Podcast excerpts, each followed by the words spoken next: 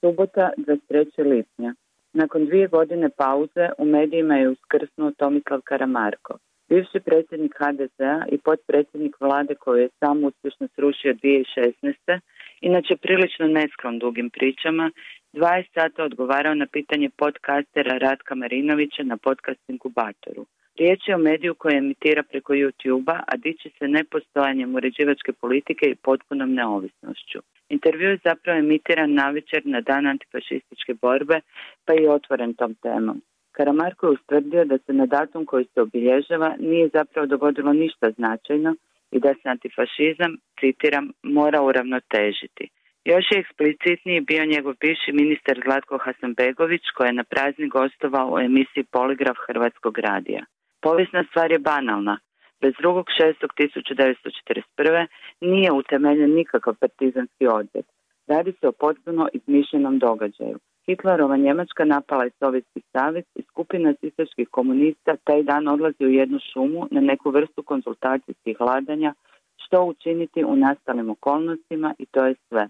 Rezultan je bio Hasanbegović dokazujući da se kompromisom kojim su davne HDZ-ove vlasti Dan borbe protiv fašizma pomakle s priješnjeg obilježavanja dana ustanka u Srbu, koji pada 27.7. na obilježavanje formiranja prvog sisačkog partizanskog odreda 22.6. nije puno postiglo kod onih kojima se zapravo ne sviđa nikakvo slavljenje antifašizma. Najzanimljiviji dio Karamarkovog intervjua bio mi je kad sam podcaster, sam se titulira tako ne kao novinar, natukne kako su Karamarku loš rating namjestile stare udbaške strukture u medijima, što se kaže događa evidentno non stop. Karamarko odreća kako je on obično na to odmahivao rukom, ali nakon svega što mu se dogodilo shvatio je da postoje takve strukture koje imaju kapital i mogu kreirati javno mnijenje, odnosno dizati i rušiti ljude. Za dekontaminaciju odlazim na dugu šetnju sa psom na Savski nasip. Nedjelja 24. lipnja. Dan počinjem s emisijom Točka na tjedan N1 televizije u kojoj gostuje Hasan Begovićeva nasljednica Nina Obuljen Koržinek. Nova medijska strategija piše se i piše, a kad će biti gotova ne zna se. Ponavlja stav kako je protiv toga da neprofitni mediji, u koje spada i faktograf za kojeg radim, dobe potporu od strane države za koji tjedan najavljuje bit će objavljen natječaj za medije zajednice preko kojeg će neprofitni mediji moći povući sredstva iz Europskog socijalnog fonda. Nažalost, neće to biti institucionalna podrška za nezavisnu uređivačku politiku neprofitnih medija.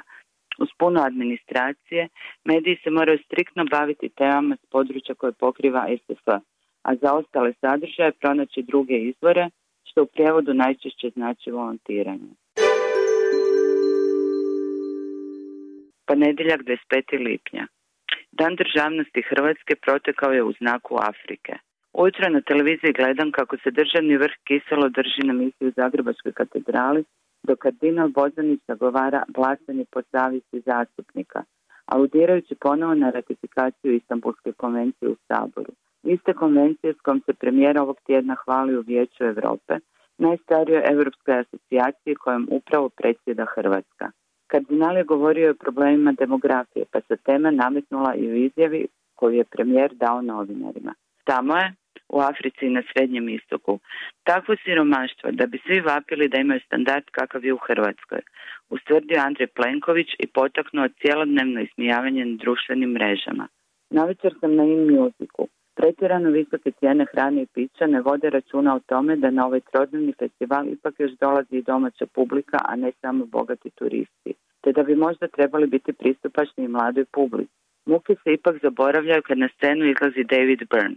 Bila sam premlada da bih išla na legendarni koncert Talking Headsa u Zagrebu 1982. Po prvi put uživo slušam Burning Down the House i druge hitove. Na sceni je uigran tim od 12 glazbenika. Udarake me na trenutke uvlače u leitmotiv dana, afrički ritam. Utorak 26. lipnja. U redakciji fotografa, ali veći dio pažnje mi zapravo odlazi na telefonske razgovore i konzultacije. U podne je naime otvoren proces prijava kandidata za upis u srednje škole, pa je starija kći prionula na ispunjavanje ljestvice sa svojim preferencijama. Do kraja dana saznajemo da je prošlo na svom prvom prioritetu. u prirodoslovnoj gimnaziji Vladimira Preloga, ali je prijavljenih kandidata koji imaju maksimum bodova iz osnovne škole znatno više nego predviđenih mjesta. Ne znam kako će se škola izvući iz te situacije koje se očito nisu nadali. Još prošle godine gimnazijski su program mogli upisati i oni koji nisu imali baš sve petice, ali činjenica je da popularnost ove škole dramatično raste. Za sve je najzaslužniji ravnatelj Zlatko Stić, koji je nekad jadnu strukovnu kemijsku školu preobrazio u školu iz američkih filmova. Oni ne samo da imaju vlastiti mali zoološki vrt, kad smo tijekom dana otvorenih vrata bili u posjeti, mama Patka je Pačića izvela na prvu šetnju vrtom u kojem učenici zajedno s učiteljima uzgajaju vlastite biljke. Ovdje navodno učenici diskutiraju s profesorima tijekom nastave, umjesto da samo šute i bubaju. Tako netipično za hrvatske škole. Navečer sam opet na In Musicu. Nick Cave i ja koncertno se družimo još od kraja 80-ih. Ovaj koncert bio drugačiji od svih izdanja u koje sam ga do sada gledala. Pretpostavljam da mu kontakt s publikom pomaže u liječenju traume nakon velike obiteljske tragedije i pogibije sina. Srijeda 27. lipnja. Zbog nezadovoljstva prijedlogom zakona o zdravstvenoj zaštiti, liječnici primarne zaštite upustili su se u prosjede i takozvani bijeli štrajk. Pričam s majkom. I bez ikakvog bijelog ili crnog štrajka ona ne stiže na red za rješavanje svojih zdravstvenih problema. Prošlog ljeta hitno je primljena u bolnicu s jakom upalom žući. Otkriveni su je kamenci koje, rekli su, što ranije mora operirati. Međutim, nakon saniranja upale pustili su je kuću uz opravdanje kako je vrijeme godišnjih odmora, pa zbog nedostatka liječnika operiraju samo hitne slučajeve. A ona, nakon što je akutna upala sanirana, više ne spada u hitne slučajeve. Od onda do danas tri puta vadila sve predoperativne nalaze, uz obećanje kako će uskoro biti pozvana na operaciju. Zadnja takva najava bila je prošli tjedan, pa se nadala da će ovog tjedna stvarno i pozvati u bolnicu. No za sad ništa. Možda će propasti i ovi, po treći put izvađeni nalaz. Četvrtak 28. lipnja. Nakon zdravstva mirovine. Slijedom nekih najava iz vlade u redakciji faktografa raspravljamo o sudbini drugog mirovinskog stupa. Mirovinska reforma je u Hrvatskoj provedena 2002. godine u snažnom poticaju Svjetske banke. Uz prvi stup međugeneracijske solidarnosti uveden je drugi obavezni mirovinski stup u koji se slijevao dio odvajanja za mirovinu. Postupci izdvajanja za drugi mirovinski stup trebali su postupno rasti s početnih 5% naviše, kako bi osigurali neku akumulaciju sredstava za buduće umirovljenike. Ali nisu, a odcipljenih 5% stvorilo je veliku i nenadoknadivu rupu u proračunu te povećala javni dug.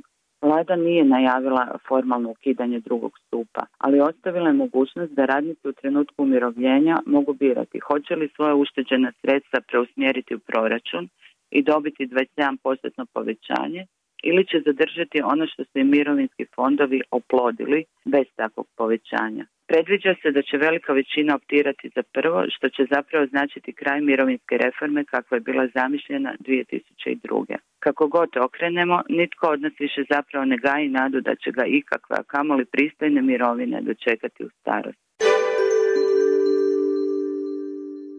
Petak 29. lipnja.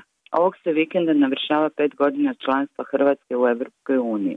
Rezultati? Ukupni ekonomski pokazatelji bolji su nego što su bili prije članstva, ali zemlja se polako i sigurno prazni od mladih ljudi kojima su dignute prepreke za školovanje i rad u inozemstvu. Pritom, jedini razlog nisu bolji ekonomski uvjeti. Puno ih kao jedan od glavnih razloga odlaska navodi neslaganje s nametanjem svjetonazorskih pogleda o tome kako bi idealno hrvatsko društvo trebalo izgledati.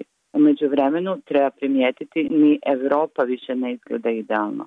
Još prije pet godina Evropska unija činila nam se kao zajednica visokih vrijednosti i prava za sve. Suočena s izbjegličkom krizom i velikim migracijama, kao i porastom desnog populizma, ona to lagano prestaje biti. Pred našim očima i uz naše vrlo aktivno sudjelovanje postupno se pretvara u srednjovjekovnu tvrđavu. Predstoji nam vrlo zanimljivi evropski izbori idućeg proljeća.